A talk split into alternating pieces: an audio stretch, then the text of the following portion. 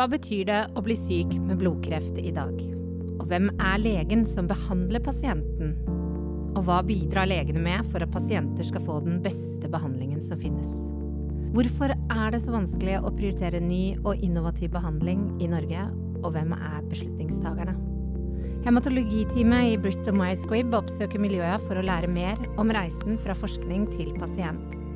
Hjertelig velkommen til Selvtalk. Hva vet du om blodsykdommen thalassemi? Kanskje ikke så mye, men det skal vi snakke om i dag. Velkommen til Selvtalk episode fire.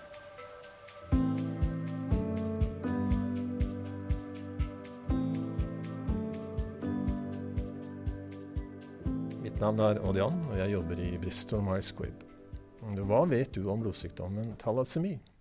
Kanskje ikke så mye, men det er derfor du er her, Anne Grete Bekkensten overlege ved barneavdelingen på Rikshospitalet. Du jobber med barn som har forskjellige krefttyper og blodsykdommer. Det stemmer. Jeg lurte litt på, eh, I livet så er det jo slik at det er visse hendelser som på en måte utpeker vei man ønsker å gå i, i arbeidslivet. Hva var det som fikk deg til å bli lege, og da spesielt kanskje barnelege? Ja, Lege har jeg egentlig ønsket å bli hele livet. Og barnelege var mer en tilfeldighet at jeg fikk tilbud om jobb rett etter jeg hadde vært ferdig med turnustjenesten. Så uh, begynte jeg på barneavdelingen på Ullevål, og har egentlig blitt i OUS, eller Oslo universitetssykehus, etter det. Ja. Og uh, det har vært veldig inspirerende å jobbe med og for barn. Og jeg har likt jobben min hele livet, så jeg syns det å være barnelege er et kjempestort privilegium. Men hva var det som fikk deg til å bli spesielt interessert i blodsykdommen thalassemi? Jeg må si at det kan være rett og slett at jeg hadde to egentlig ganske stimulerende veiledere som, har, eh, som var måte, mentorer for meg. Eh, en veileder som jeg hadde i den doktorgraden jeg tok, eh, som hadde med røde blodsykdommer å gjøre. Eller røde blodlegemer og sykdommer i de røde blodlegemene. Og en annen eh, kollega og veileder også som eh, jobbet med denne sykdommen med thalassemier. Og som på en måte har vært eh, et forbilde for meg, og som jeg har jobbet sammen med helt siden tidlig 80-tall. Mm. Så det er gode eh, forbilder som har eh, på en måte lagt veien åpen for meg. da. Nettopp. Kan du si oss, uh, fortelle oss litt mer om selve blodsykdommen? Ja. ja. Før jeg sier om blodsykdommen, så må jeg jo si litt om blodet. Og at man må ha litt kunnskap om blodet generelt. For eh, det er faktisk uh, Blodet det består av blodceller. Og det er flere typer blodceller bl.a. de røde blodlegemene, og det er de som gir den røde fargen til blodet. Og så har vi noe som heter hvite blodlegemer, og så har vi noe som heter blodplater. Men det er de røde blodlegemene vi snakker om når det gjelder thalassemi. De røde blodlegemene eh, Det er milliarder av de i kroppen vår. Og inni disse røde blodlegemene så er det igjen millionvis av et molekyl eller et protein eller et eggehvitestoff som heter hemoglobin. Og eh, de røde blodlegemene de har som oppgave å transportere surstoff til hele kroppen. Så vi får liksom surstoff når vi puster, og så går, binder eh, eh, surstoffet seg til de røde blodlegemene og transporteres rundt i kroppen. Eh, og da er man frisk og fin og føler seg i super form. Men når man har thalassemi, så er det et feil i dette hemoglobinmolekylet. Det gjør at de røde blodlegemene blir ikke produsert på riktig måte. De dør før de blir liksom ferdig. Og eh, blodet produseres da i så liten grad at kroppen blir anemisk. Altså man blir anemisk og trenger stadig vekk blodoverføringer. Og det er det som er behandlingen eh, for denne sykdommen. Og Da nevnte du et uh, teknisk ord. Hva betyr, hva betyr, det at man er, er anemisk? Anemi eh, betyr lav blodprosent. Og når man har lav blodprosent, så er man altså anemisk. Og da er blodprosenten ofte så lav at man blir sliten. Man får da ikke nok surstoff transportert rundt i kroppen. Kroppen blir sliten, man orker ikke. Og hvis det blir alvorlig nok, så blir man helt, helt utmatta. og man blir selvsagt bleik. Eh, og eh, eh, det er det som er hovedsymptomet. Slitenhet og slapphet og, og ingen overskudd hvis eh, man blir anemisk. Hvis vi skal si litt mer om denne, denne sykdommen thalassemi, så er det en sykdom som ikke finnes hos etnisk norske. Men man ser det hos pasienter som har sitt opphav i middelhavsområdet. F.eks. Spania, Italia, Hellas, Kypros, Tyrkia og Midtøsten. Sånn som Irak, Iran og Syria. Og også litt mer østover, sånn som Pakistan øh, og Thailand. En litt annen form for thalassemi ser man i fjerne Østen, og som Kina og Vietnam. Og da må jeg spørre deg, Hva tenker du om, om talismi i Norge eh, fremover i tid? Tror du vi kommer til å få mer av det, mindre av det, eller er det sånn noenlunde stabilt? Altså vi ser jo, Som jeg sa, så er det ikke hos etnisk norske, men det er hos uh, en, uh, denne populasjonen av folk som kommer fra Midtøsten og fra måte, middelhavsområdet.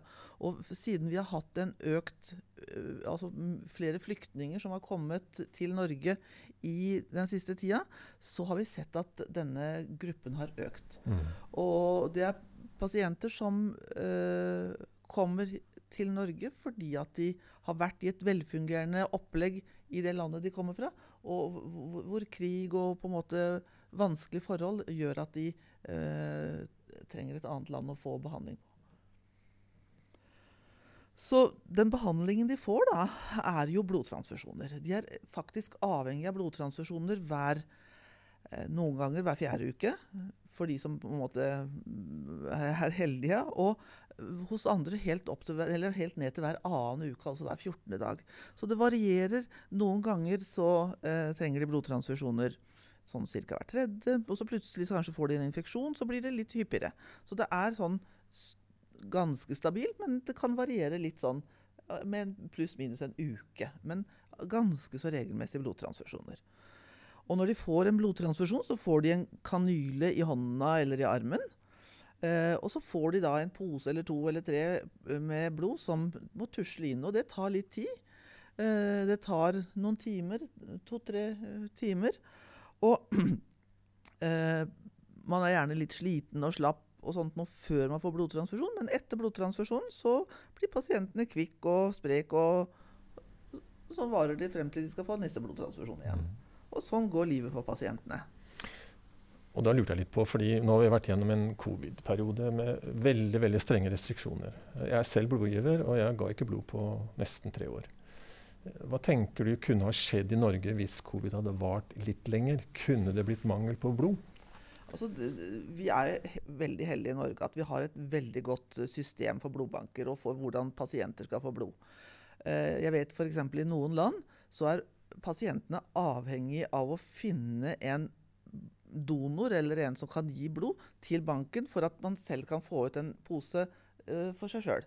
Men i Norge har vi et system som, hvor man overhodet ikke er avhengig av noe sånt. Så man er avhengig av sånne frivillige givere som deg. Mm. Og det fungerer veldig bra. Vi har heldigvis til nå i denne covid-tiden ikke sett at vi, de pasientene har hatt noe at det har vært noe faretruende mangel på blod, eh, blod, Men hadde situasjonen vært annerledes og det hadde vart lenger, så er jeg helt sikker på at det også kunne ha blitt en utfordring i Norge.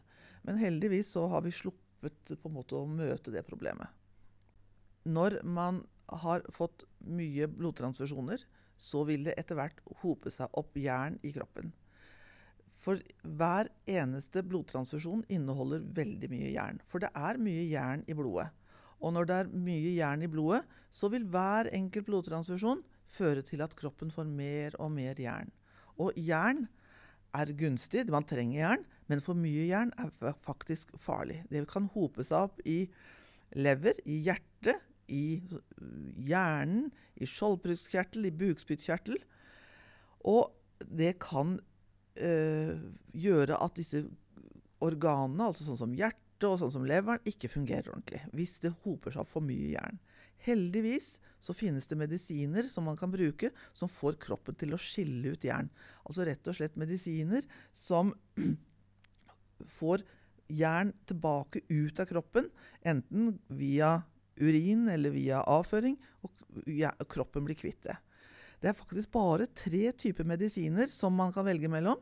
Og man må sjonglere mellom disse medisinene ofte. Sånn, noen får bivirkninger av det, noen fungerer dårlig. På hver enkelt pasient må man skreddersy den behandlingen eh, eh, ganske ofte. Og man må noen ganger skifte fra den ene behandlingen til den andre. Eh, som sagt så kan de medisinene ha bivirkninger. Noen ganger kan de bivirkningene være lite eller sånn beskjedne. Andre ganger kan det være sånn at man må stoppe med medisinene. Så dette er liksom livet da, til pasienter med thalassemi. Blodtransfusjoner på den ene siden og jernkjelerende, som det heter, medisiner på den andre siden. Og den balansen kan være vanskelig.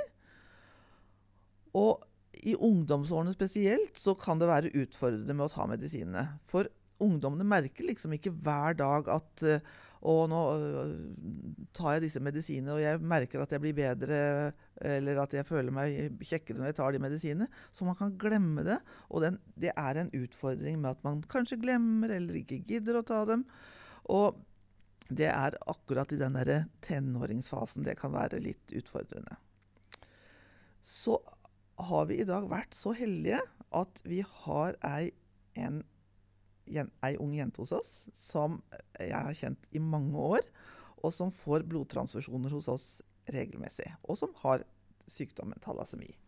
Moane, du er 15 år, og du har hatt sykdommen hele livet. Mm -hmm. uh, kan ikke du fortelle litt om deg selv? Du er jo ikke født her i Norge. Si litt om livet ditt med thalassemi. Um, ja, jeg er 15 år og går på ungdomsskole her i Oslo. Jeg trives ganske godt. Uh, jeg ble født i Syria og er fra Syria. Og ble diagnosert med sykdommen ca. da jeg var fem. Og har fått blodtransfusjoner uh, siden jeg var fem.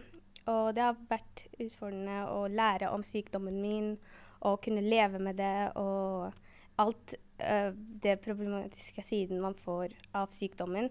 Men det har vært noe positivt også i tillegg. Som f.eks. i Syria er det veldig vanlig at mange barn har denne sykdommen. Og derfor kan man f.eks. Jeg har fått mange venner pga. det.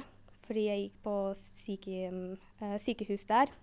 Og uh, der har jeg blitt kjent med mange ungdommer og barn som hadde også sykdommen. Og jeg fikk ikke veldig mange eh, kommentarer pga. det, fordi det var vanlig. Men når jeg flyttet til Norge her, så hadde det vært litt negativt. Fordi jeg ble sånn mm, uh, mobbet for det i ungdomsskolen og barneskolen. Og så var det ikke så vanlig at noen hadde sånn slike sykdommer.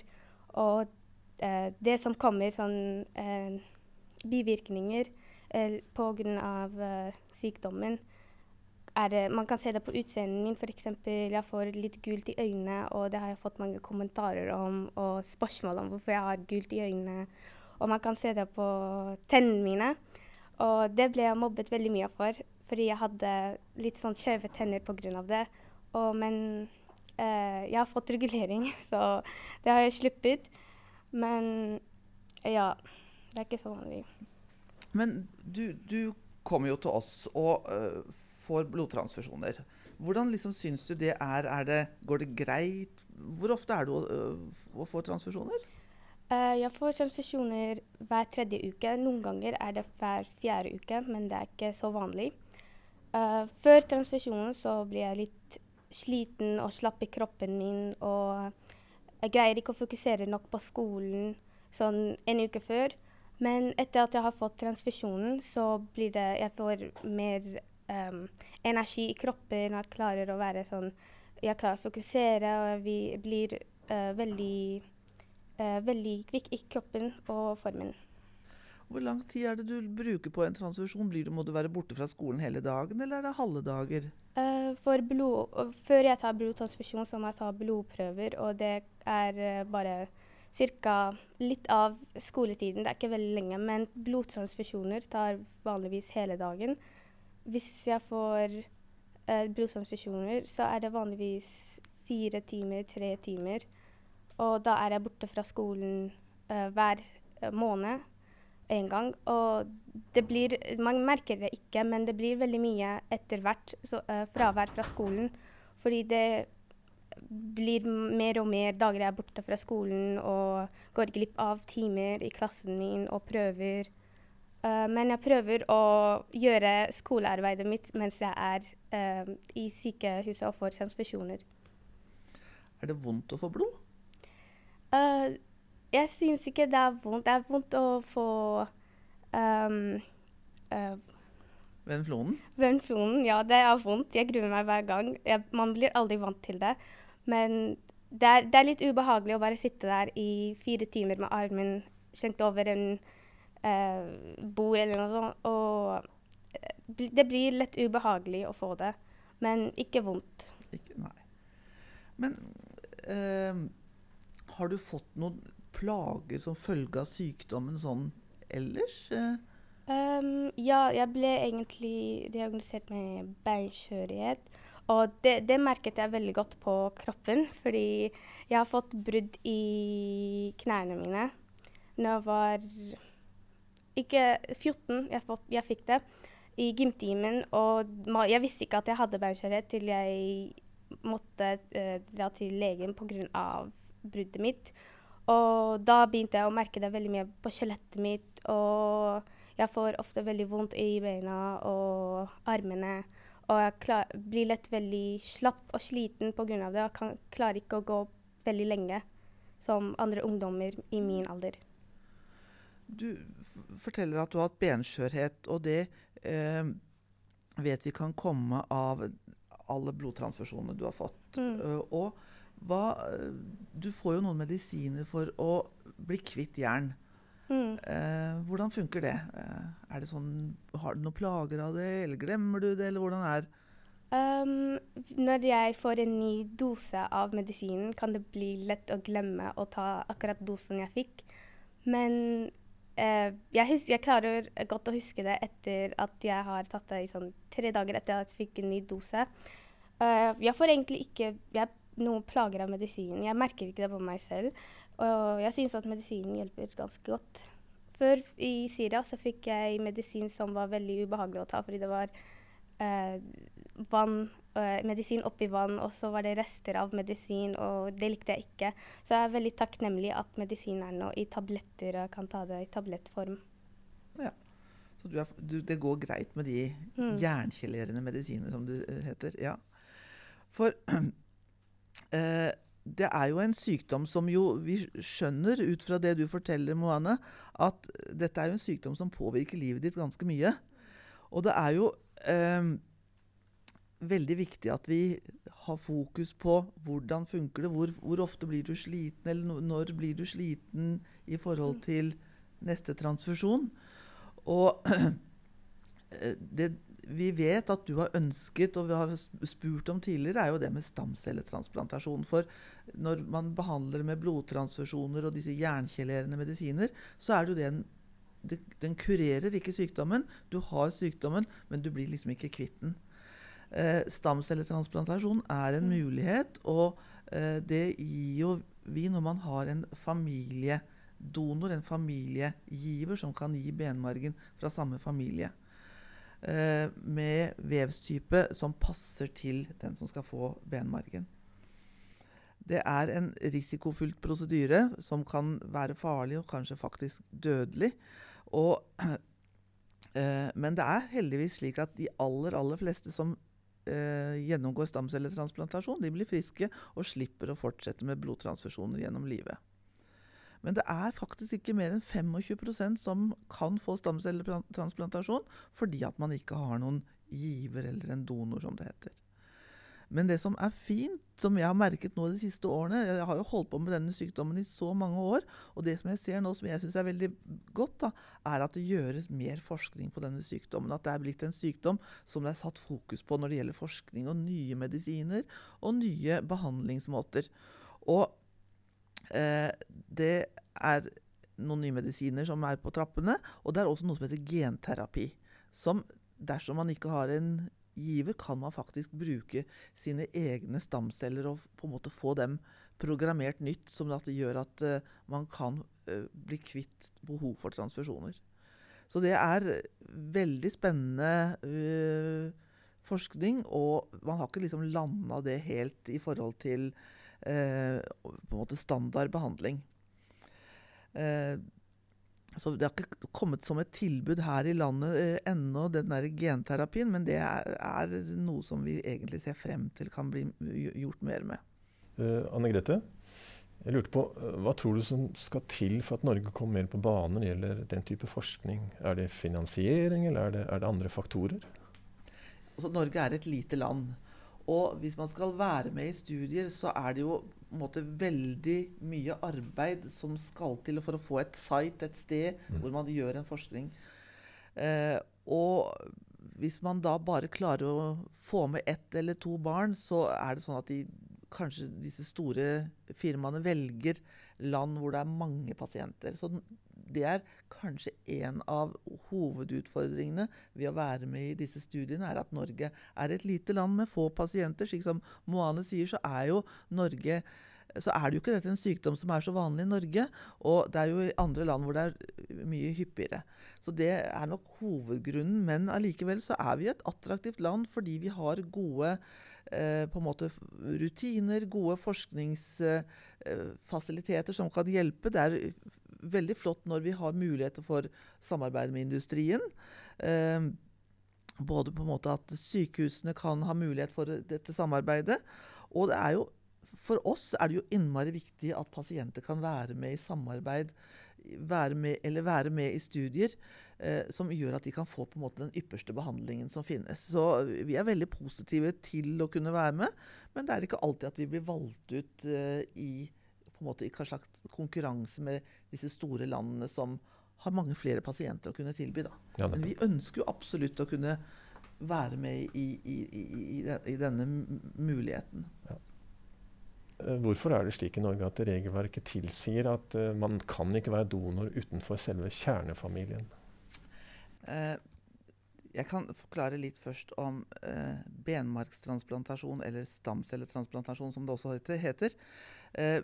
For thalassemi så har man eh, noe som vi anser som to relativt likeverdige behandlinger.